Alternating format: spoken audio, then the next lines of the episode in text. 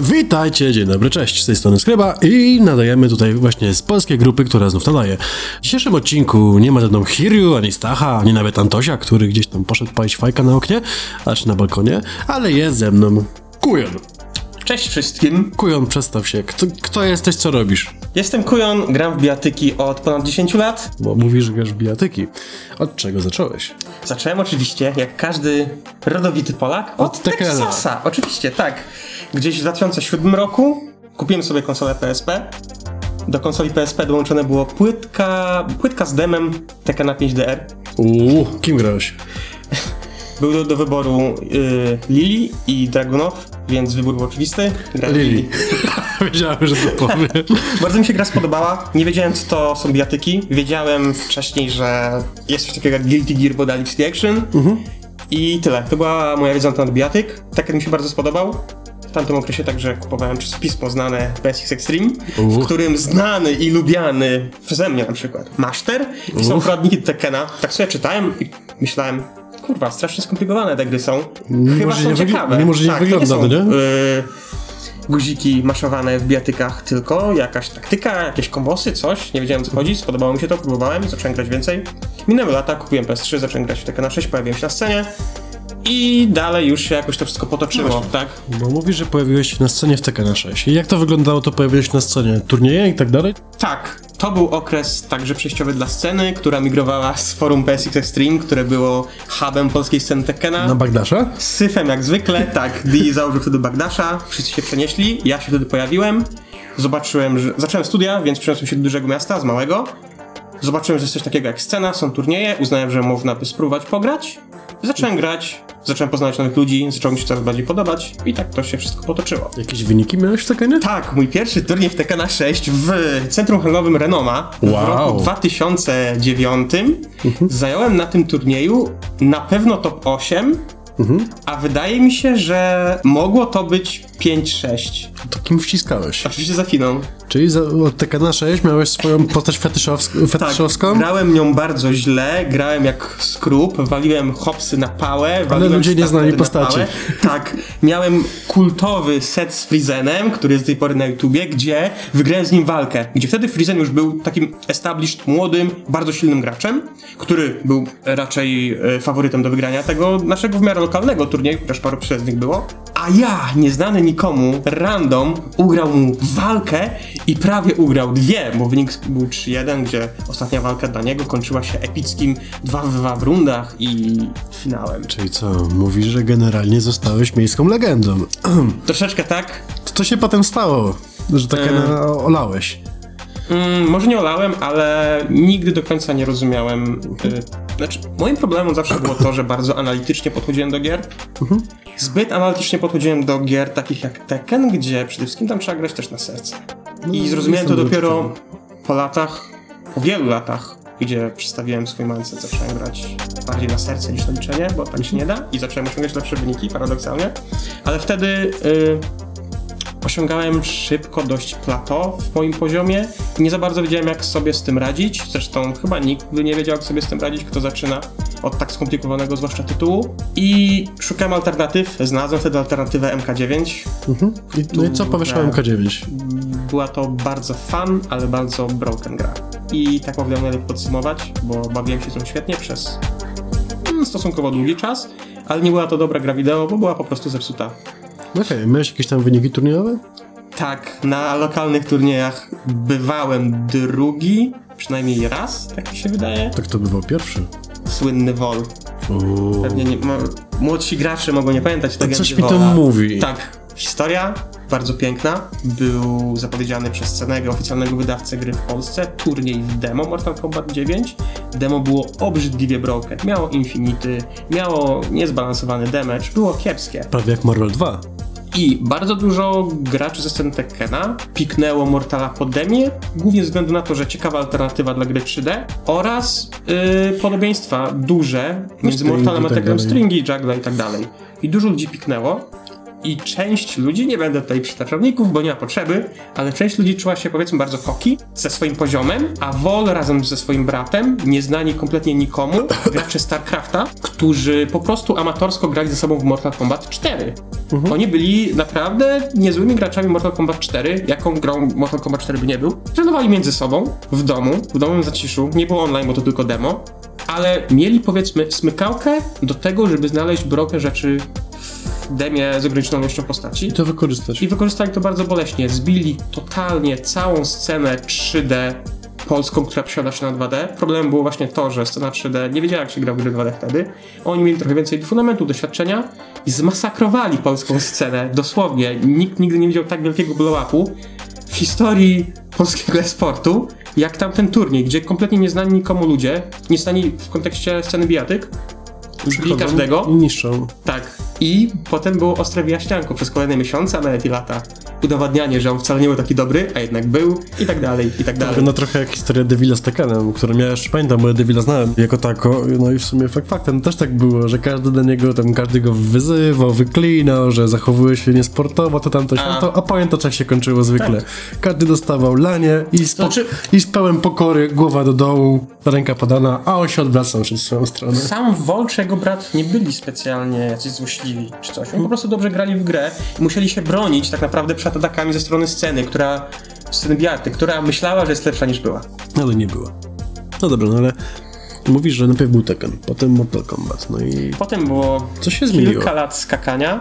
Wydaje mi się, że Mortal Kombat y, pokazał mi gry 2D z trochę innej strony, innego oblicza, bo nie znałem ich wcześniej, grałem tylko w Tekkena, znałem tylko Tekkena, więc zacząłem próbować kolejnych 2D. Street Fighter, potem anime gry R-Dasher, czyli Guilty Gear, aż w końcu padło na Unista. I tak już zostało. No właśnie, bo ty grałeś naprawdę dużo gier i właśnie zostałeś na tym Uniście całkiem mocno chyba ucementowany, no bo nawet teraz było Rocze Rumble, o którym wspominaliśmy jakiś tam czas temu, no i tam zajęłeś całkiem zaszczytne miejsce. Mm, tak. Mm. Unis można powiedzieć, że jest moją główną grą, chociaż ja się sam osobiście z tym nie do końca zgadzam, ale Unis jest grą, którą śledziłem najdłużej prawdopodobnie ze wszystkich ludzi na scenie, bo już od 2013 roku, 2012, gdy gra wyszła na japońskich arcade'ach, znalazłem ją przypadkiem na YouTubie, byłem zainteresowany tytułem, ze względu na to, że był bardzo czuni. Czuni, czyli najprościej tłumacząc z japońskiego na polski, nie polski, bo użyję angielskiego słowa, ale bardzo edgy. Czyli typowa fabuła z nastolatkami, którzy dostają supermocy i ratują świat, tak? Czyli generalnie- Wydawało mi się, że czegoś takiego w bijatyka do tej pory nie było. Typowa infantylność taka. Tak. Ale w jakiś sposób to mnie przyciągnęło, zainteresowało, śledziłem bijatykę aż do premiery na konsolach w 2014 roku i zacząłem w nią grać. Zacząłem grać od tamtej pory z przerwami, ale powiedzmy, że nieustannie. I to zaowocowało tym, że mając największe doświadczenie z tą grą w kraju, jestem też w nią najlepszy.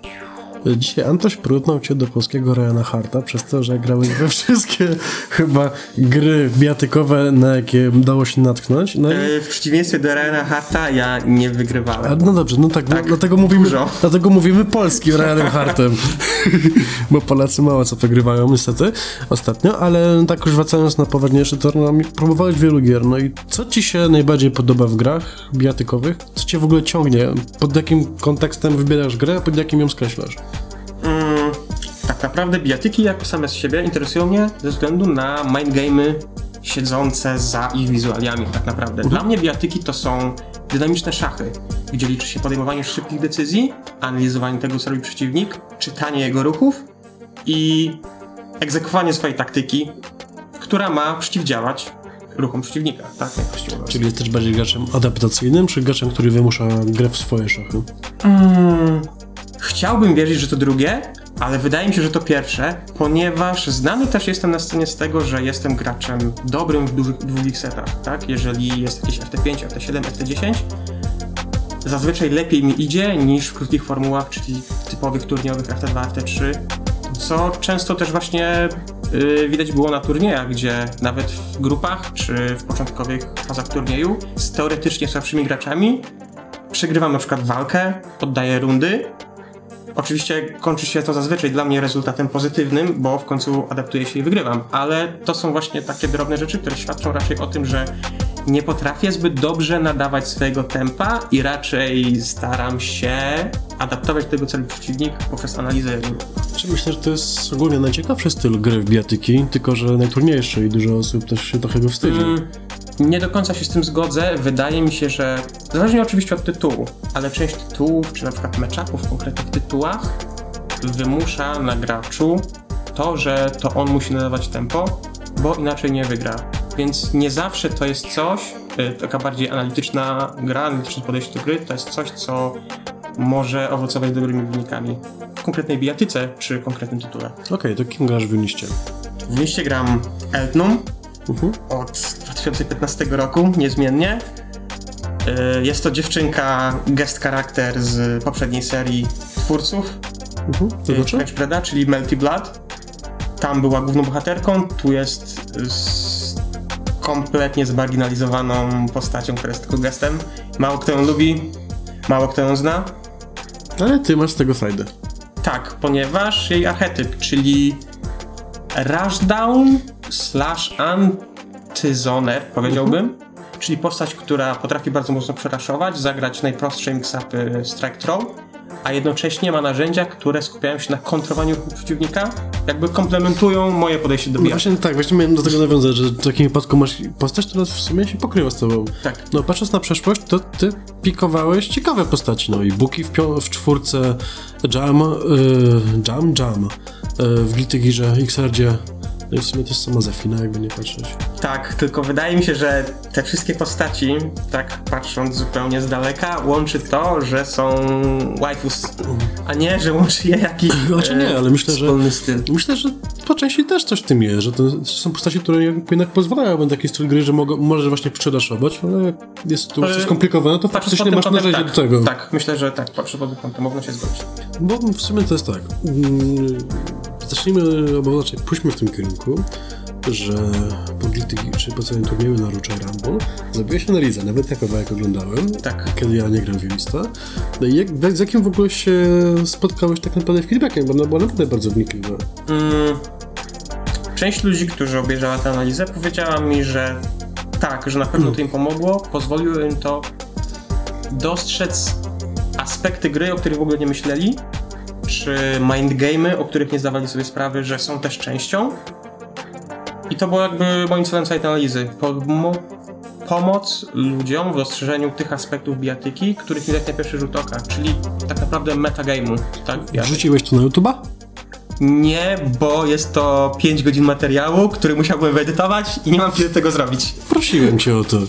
Ty chamie. No okej, no ale ogólnie na... Kontent mam gotowy, tak mówię. A, okej. Powiedz mi, czy na Ruru było dużo osób z zagranicy?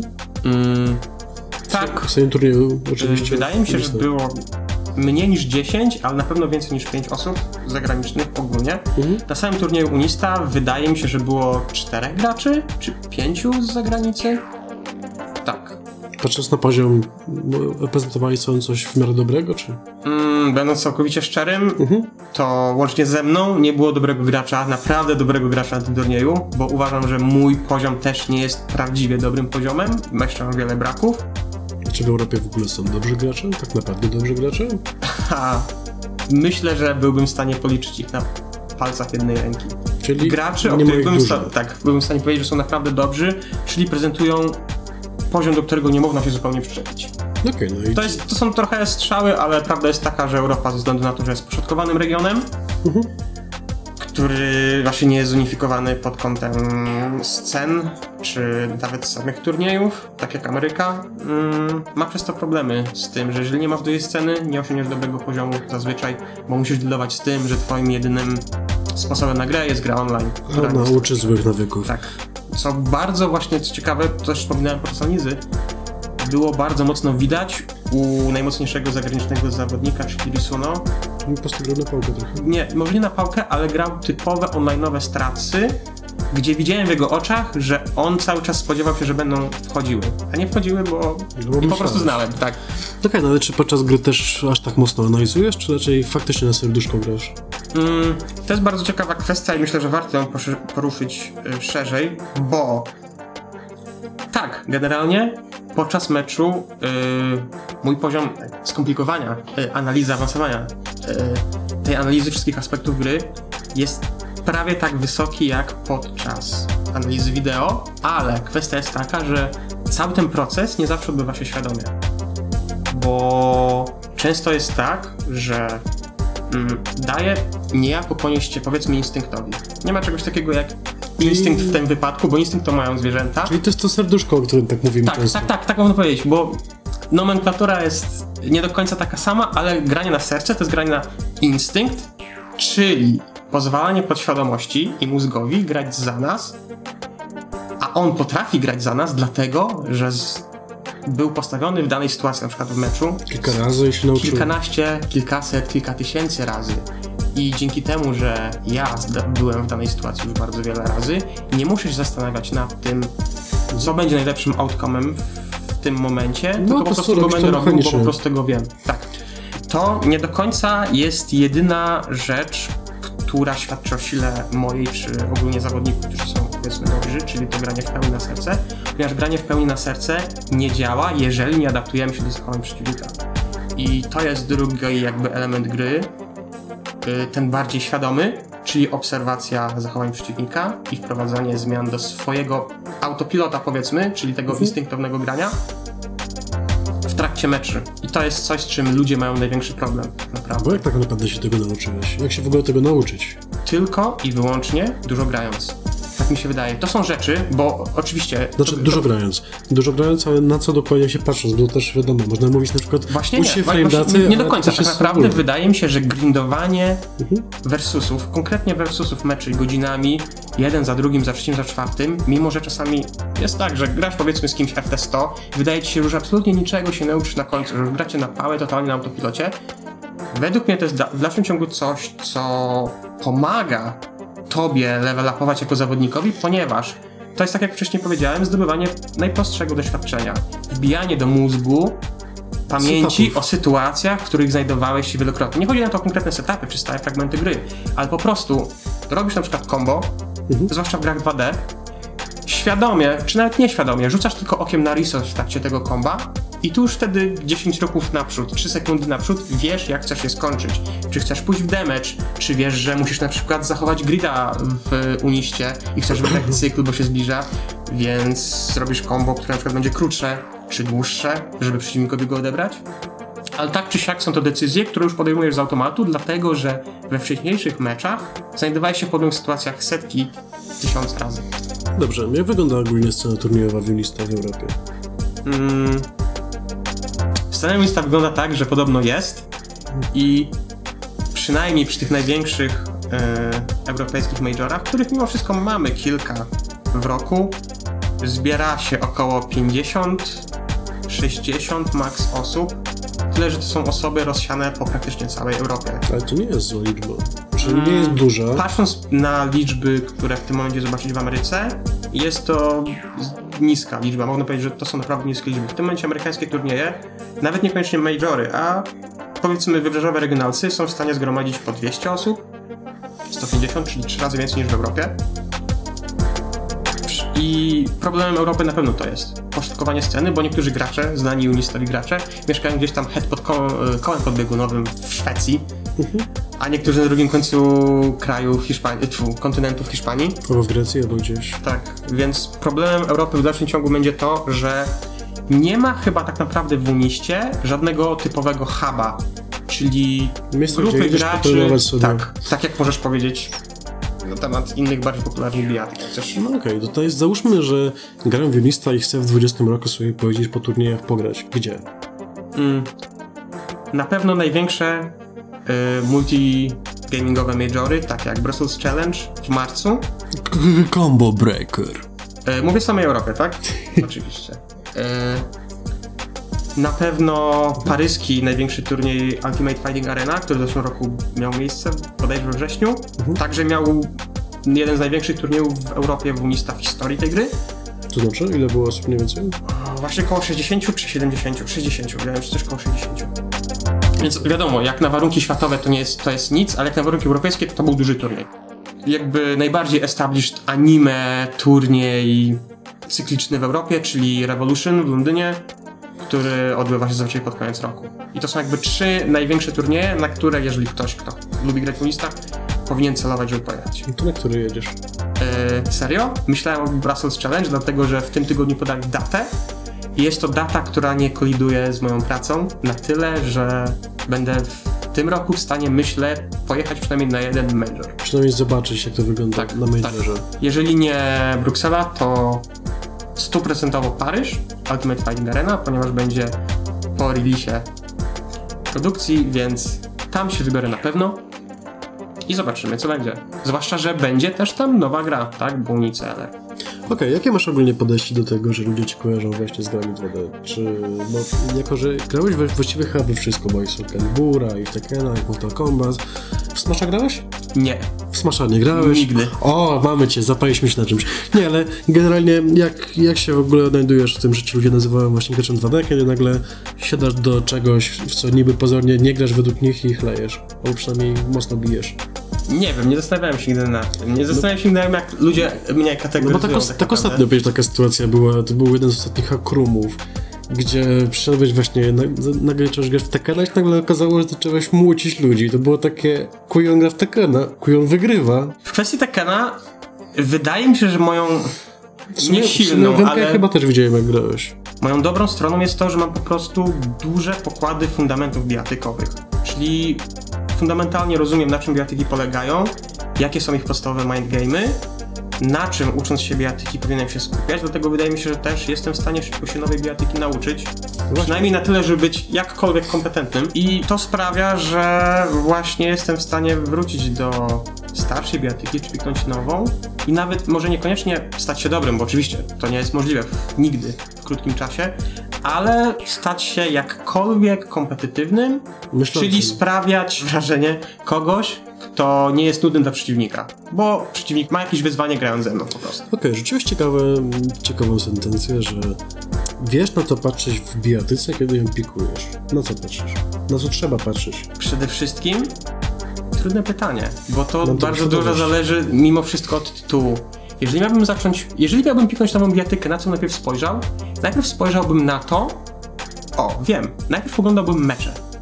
To jest coś, od czego zazwyczaj zaczynam, albo to jest coś, co na pewno komplement, komplementuje moją naukę bijatyki, czyli oglądanie jak największej ilości meczy, żeby właśnie zrozumieć, jaka jest dynamika na przykład neutrala, co jest właśnie celem w neutralu poszczególnych postaci, bo na przykład w jednej bijatyce celem w neutralu może być zrobienie jak najwięcej czy damage'u, czy posadzenie jak najwięcej połków, bo nie da się w niej konwertować większy damage, ale w innej bijatyce na przykład celem neutrala może być za wszelką cenę dostanie się do przeciwnika, powalenie go i rozpoczęcie oki game'u, tak?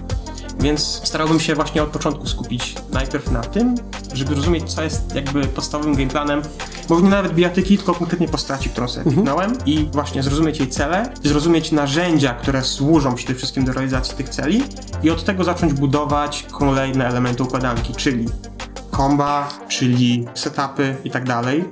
Razem gdzieś tam w międzyczasie z boku próbować obserwować także co inne postaci robią, żeby wiedzieć jak się bronić, ale bardziej w grach 2D niż 3D obrona jest jeszcze bardziej fundamentalnym aspektem, bo zazwyczaj wystarczy po prostu trzymać dół tył i nie naciskać, tak? I to mi pozwala powiedzmy przeżyć dłużej niż challenge'owanie przeciwnika, więc obronę można sobie zostawić na boku trochę bardziej i skupić się na niej później, ze względu też na to, że te gry są bardziej agresywne. Więc ogólnie wydaje mi się, że pierwszą rzeczą jest spojrzenie na neutral i zobaczenie, co jest moim celem w neutralnej pozycji. Czy twoim zdaniem tak zwany skill przenosi się między grami? Czy gracze 3D pikujący gry 2D się czegoś nauczą i odwrotnie? Między grami, powiedzmy, z tego samego zakresu wymiarów, oczywiście, jak najbardziej skill, czyli ja bym bardziej nazwał to fundamentami, przenoszą się, ponieważ te gry mają podobne gameplany często, czy podobne aspekty, na przykład w defensywie, więc tam umiejętności nabyte w jednym tytule zazwyczaj w jakiś sposób są w stanie także pomóc innym. Czy skill między grami 3D a 2D? Tu może być trochę kontrowersyjnie, ale uważam, że nie. Uważam, że nie, że te gry są na tyle inne, na tyle inne są ich cele, oprócz obligatoryjnego celu, czyli zjechania paska życia do zero, na tyle inny jest neutral, że w tym wypadku nie mogę o tym powiedzieć, bo nawet właśnie fundamenty tych bijatyk są zgoła inne i wydaje mi się, że może w kwestii mind game'ów Mhm. czy umiejętności bardziej mm, meta umiejętności powiedziałbym, czyli, umie, y, czyli czytania przeciwnika, uczenia się jego nawyków, może w tej kwestii byłyby w stanie jakoś pomóc granie w 2D, ale ogólnie wydaje mi się, że różnica między tymi podgatunkami jest na tyle duża, że w tym wypadku raczej nie. Okej, a co sądzisz o aktualnym stanie ogólnie bijatyk? Jak to, jak to w ogóle mm, twoim zdaniem wygląda? Jest kiepsko. To znaczy, jest kiepsko, czy jest lepiej niż Jest było? kiepsko z mojej perspektywy i dla mnie, powiedziałbym. Ponieważ mamy w tym momencie, powiedzmy, że trzy mocarne, duże tytuły, które rządzą tak naprawdę bijatykami, czyli Tekken, Street Fighter 5 i Dragon Ball. Dragon Ball już trochę mniej, ale wciąż. A Smash? Stawiam go zupełnie w innej osobnej Okej. kategorii. Ze względu na to, że to jest tylko gra Nintendo, ze względu na to, że to jest inny gatunek gier o biciu się. Nie stawiałbym zupełnie tradycyjnych bijatyk razem ze Smashem, więc nie chcę Okej. ich porównywać. Ale też fajne podejście, że nazywasz to jednak bijatyką, Znaczy, tylko innym ja- gatunkiem bijatyki. bijatyką nazwę też arenówka, tak? Jest dużo bijatyk z gatunku Arena Fighter, No tak, i więc jest też, są też bijatyki, które zwłaszcza w ostatnich latach się rozwinęły, czyli gatunek Platform Fighter. Po prostu. a są też bijatyki, w których układasz Tetrisa. Tak, tak, więc I Subnaivo. nomenklatura jest tylko nomenklaturą, tak naprawdę. Po prostu nie stawiałbym w jednym rzędzie nigdy Smasha z tradycyjnymi bijatykami 2D i 3D. Okej, no to mamy te trzy tytuły. No i co dalej? Te trzy tytuły są bardzo mocno established przez to, że to są franchise bardzo lubione przez ludzi, to są franchise, mimo że Dragon Ball nie jest franchisem bijatykowym, ale ogólnie popkulturowym, franchise, które od wielu lat nam towarzyszą i przez to są bardzo established w, kulturowo, zgarnęły największą ilość graczy do siebie, przez to te bardziej niszowe bijatyki, które ja sobie osobiście bardziej cenię, bardziej mi się podobają, trochę podumarły, podumierają nadal, nadal, a twórcy patrząc na wzorce tych molochów największych, zaczynają zbyt mocno sugerować się tym, na czym te bijatyki polegają i zmieniać, i zmieniać swoje pod kątem tego. No, wiadomo, znaczy wiadomo, nie wiadomo, dla niektórych wiadomo, dla niektórych nie. Przykład ostatniego Guilty Geara, Guilty Gear Strife. Które zostało według mnie koszmarnie wręcz uproszczone względem poprzednich części No wzór piątki. na wzór Street Fightera 5 niestety, gdzie paradoksalnie ostatni patch do Street, Street Fightera 5, który wyszedł parę dni temu, Rozszerzył grę. dostał y, więcej crazy, szalonych, pojebanych, dynamicznych, szybkich, fajnych, po prostu fajnych rzeczy niż Guilty Gear Strife ma na ten moment. Czyli co, to jest przerażające. czyli co, sądzisz, że piątka wróci w łaski? W piątce Rashid dostał Air Dasha, który wydaje mi się, że jest lepszy niż wszystko, co do tej pory widzieliśmy w Guilty Gear Strife. Posprzątane. Jest to smutne, ale niestety prawdziwe. Jest to coś, z czym wydaje mi się, że jako zwykli prości odbiorcy nie możemy absolutnie nic zrobić. Wiadomo, można próbować feedbackować, gra się może zmienić, gra jeszcze jest we wczesnym etapie produkcji, ale problem nie jest tylko z tą grą, problem jest ogólnie z gatunkiem, nowymi tytułami, które ewidentnie stawiają na up- upraszczanie, co mi się osobiście nie podoba. I problemem głównym w biatykach jest to, że nowa zawsze odbiera graczy starej, więc jeżeli nie podoba ci się nowa, możesz po prostu nie mieć z kim grać. Tak, oprócz tego mm, coraz więcej marek się pcha w bijatyki. Chociażby Riot, który zapowiedział tę bijatykę z prawami, też nie sądzę, że ta gra będzie skomplikowana. Mm, w biatyka Riotu chciałbym wierzyć, ale tak jak mówisz, nie wydaje mi się, że będzie super skomplikowana. Znaczy, jeżeli będzie na poziomie skomplikowania Street Fightera piątki może będzie miała trochę więcej opcji, to może być na jeszcze mam nadzieję jakaś. Tak, wydaje mi się, że Street Fighter 5 w tym momencie może być nawet grywalną grą, tak? Nie, nie lubiłem go No bo w sumie Nie poprawi... lubiłem zmian przede wszystkim w Street Fighterze 5 i tego, jak gra progresowała przez kolejne sezony, ale teraz, u schyłku życia, wydaje mi się, że to może być ok gra. balans poprawili wreszcie. Ta gra wreszcie jest mniej więcej grywalna. W dalszym ciągu ma problemy z małą ilością opcji defensywnych według mnie, Yuri ciągle jest słaba. ale wydaje mi się, że jeżeli ktoś chce sobie pykać czy napierdalać, to ma, zwłaszcza teraz po patchu, czym. I to może nie być e, rzeczą w innych nadchodzących biatykach. Co sądzisz o nowym Uniście, czyli o Unicie, Unit CLR? Brr, piękna nazwa. Uniclear także napawa mnie obawą. Uniclear właśnie. ale na szczęście, nieszczęście trochę z innych powodów, bo to nie jest gra, która będzie na pewno uproszczona, ale Unist jako gra stała się bardzo popularna po dość długim czasie od premiery, dlatego że dopiero po czasie ludzie zauważyli, że to jest gra, która jest naprawdę zbalansowana, a jednocześnie jest grą, w której prawie każda postać jest silna. A co było z Unielem? Uniel miał trzech króli, trzy przejebanie potężne postaci, które dominowały nad resztą kastu na tyle, że dosłownie jedna z nich zabiła scenę turniejową w grze bardzo szybko, bo nikomu nie chciało się grać na armię 10 tysięcy Gordonów przez cały turniej. To są Poczekaj. fakty, Hmm. nie można im zaprzeczyć. Poczekaj, czekaj. Zaraz, zaraz. Kto zabił yy, Smasha czwórkę? Jak się nazywa ta wiedźma? Bajonetta zabiła.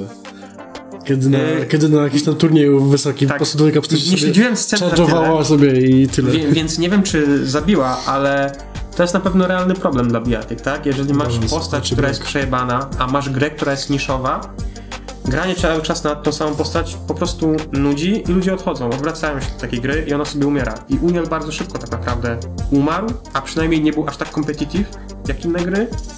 Y, Inne, nawet niszowe anime fightery tego czasu, no bo ludzie wiedzieli po co mam się starać, po co mam grać, skoro pikuję Gordona i będę się kręcił. A co sądzisz o Clearze właśnie? I właśnie... Czego się spodziewasz po tej grze? Mm, Po tym, co pokazano do tej pory, czyli po log testach oraz patrząc przede wszystkim na historię całej tej serii przez lata, wydaje mi się, że Unist wyszedł tak dobry z przypadku, bo główny battle planner gry chyba sam nie spodziewał się, że przypadkiem wyjdzie mu super balans i patrząc na zmiany, które do tej pory nam zaserwowano w log testach, jestem pełen obaw, bo wydaje mi się, że pan Kamone chyba znowu przypalił za dużo i w niektórych kwestiach odjechał totalnie, więc Boję się głównie tego, że gra może stać się za bardzo mugenowata, że będzie zbyt dużo szalonych czy dziwnych rzeczy, które mogą nie pasować do jakby establishniętej marki Unista w tym momencie, czyli tego jak gra jest grana, jaki jest jej balans i tak dalej. Ogólnie patrząc na bijatyki jako takie, czy jest coś na twoim, nie wiem, celowników, co chciałbyś pograć, na co czekasz? To jest najgorsze, bo szczerze, z czystym sumieniem, nie mogę powiedzieć, że czekam na jakąkolwiek bijatykę, ponieważ każda spowiedziana, bijatyka na 2020 przynajmniej, czyli Unifir, Blue Fantasy Versus czy Guilty Gear. Strive, mają coś, co mnie naprawdę mocno odrzuca od danego tytułu i sprawia, że ciężko mi na niego czekać z wypiekami na twarzy. Bardziej czekam z przezorem, chcę zobaczyć, jak się sytuacja rozwinie, czy w ogóle będzie warto pikować tę grę i dopiero wtedy podjąć świadomą decyzję, czy dipować w nią, czy nie. Czego się spodziewasz w 20 roku, jeżeli chodzi o tytuły? Jakie marki mogą wrócić albo kontynuację wyzupełnienia? Bardzo liczę na Capcom, ze względu na to, że Szóstka? Niedawno tak bardzo dużo marek przede wszystkim reaktywowali, bo porejestrowali trademarki. A nie wiem, czy w ogóle ten, tak, tak, tak się wtrącę. Jak miała wyjść piątka, bo zwykle jest tak, jak jest tour, że osoba, która wygrała się przenosi dalej, a jak wychodzi kolejna gra, to anulują jej to przejście. I Tak. teraz zrobili właśnie to. Tak, taka sama sytuacja. Z jednej strony wygląda to na wyraźny znak, że w 2021 roku dostaniemy Street Fightera 6. Albo w 20 w grudniu, na Nie, znaczy pokażą, myślę, że, Może pokażą. No. że to jest gra, która jeżeli miała być tak długo ukrywana, to nie dałaby rady. Zwłaszcza z amerykańskimi thrillerami. Jeżeli ktoś by coś wiedział na temat tej gry, już by to liknął. Znaczy, powiem Patrząc na historię Capcomu i lików. Wiesz co ci powiem, może i tak, a może i nie. Ale też Bo, patrząc czy na... trochę lików było takich mikroskopijnych, Ale nikt to, nigdy nie powiedział, jest Street Fighter 6 i powstaje. To prawda. Więc chciałbym y, spoglądać z nadzieją na ten 2021 rok, że może faktycznie wtedy przyjdzie nowy Street Fighter, ale znając niekompetencje oddziału bijatyk Capcomu, spodziewam się także tego, i to jest mniej więcej 50 na 50, że po prostu nie będzie niczego. Że nie będzie żadnej nowej bijatyki i cykl po prostu zostanie przerwany. Może, Przynajmniej na jakiś czas, albo wiesz, może pojawić się jakiś hiatus typu jeden rok. Tak? może, może Machwela? Myślę, że Marvel już nie będzie. Już Infinite go zabił. Tak. Okej, co oprócz tego? Tekken? Może. W sumie myślę, że będzie... Myślę, że nie. Myślę, że jest za szybko. Ja myślę, że z Tekkenem i Street Fighterem będzie tak samo, że poczekają, będzie nowa generacja Tak. zakorzeniona, to ten... Tak. Głównie, że... Zrobią ewentualnie przerwę półroczną, roczną w turach i zaczną asymetrycznie co do roku, ale nie ma co się spodziewać nowego tytułu. Czy, moim zdaniem mamy ciekawy w ogóle moment, nie wiem czy też zauważyłeś czy nie, bo nowa generacja konsol ma być wsteczna kompatybilna, co za tym idzie, takie gry jak Tekken czy Street Fighter mogłyby dostać jeszcze jeden Tak, sezon zwłaszcza i, nie, z crossplayem. i, tak, i nikt by nie miał zgrzytu o to. Tak, też mi się tak wydaje, że ludziom na tyle podobają, ludziom, którzy grają w te gry, na tyle się one podobają, że są w stanie grać w nie spokojnie jeszcze przez przynajmniej dwa kolejne lata. A jako, że nowa, genera- nowa generacja, w ogóle to też jest ciekawe, bo kupno nowej konsoli to będzie koszt pewnie circa 2-2,5 tysięcy złotych. Zdecydowanie. A tutaj kupujesz i- Xboxa czy PlayStation za 400, czwórkę czy One'a i, I masz dostęp z tego samego player base'u, tak. To może być technika, którą w sumie podejmą się. Dobrze, no to masz jeszcze może jakieś słówko, jakieś cokolwiek do graczy Unista? Nie wiem, chcesz ich pożegnać, wykląć? Do graczy? Unista nie. Jedyne co chciałbym powiedzieć na końcu, Tak. to że każdy powinien grać w to, co chce i nie dawać sobie wmówić granie w to, w co nie chce. Ale każdy powinien mieć na uwadze to, co mówiłem wcześniej. Nowa bijatyka zabiera graczy starej. I starsi gracze mogą być po prostu sfrustrowani, widząc, że ich player base się kurczy, zwłaszcza jeżeli nowa gra im się nie podoba. Street Fighter. Nie tylko. Coraz, coraz więcej marek, powiedzmy, pada ofiarą tego Mhm. I zawsze to frustruje tak samo i zawsze tworzą się wojenki, ale musimy je zaakceptować jako część współczesnej kultury bijatyk. Czyli co, jeżeli gra mi się nie podoba, to ewentualnie szukać innej gry, nowej gry. Tak, jeżeli, by- jeżeli gra ci się nie podoba, a jeżeli gra ci się podoba, a ludzie ci dookoła mówią, żebyś w nią nie grał, albo że to jest gówno obesrane, to powinieneś im powiedzieć, i tak będę w nią grał, ale powinieneś też po prostu zrozumieć, Dlaczego że ma- mają prawo do powiedzenia, że jest to gówno obesrane. Więc jeżeli gracie Street Fightera piątka, grajcie. Tylko nie mówcie o tym głośno. Tak. Trzymajcie się. Cześć.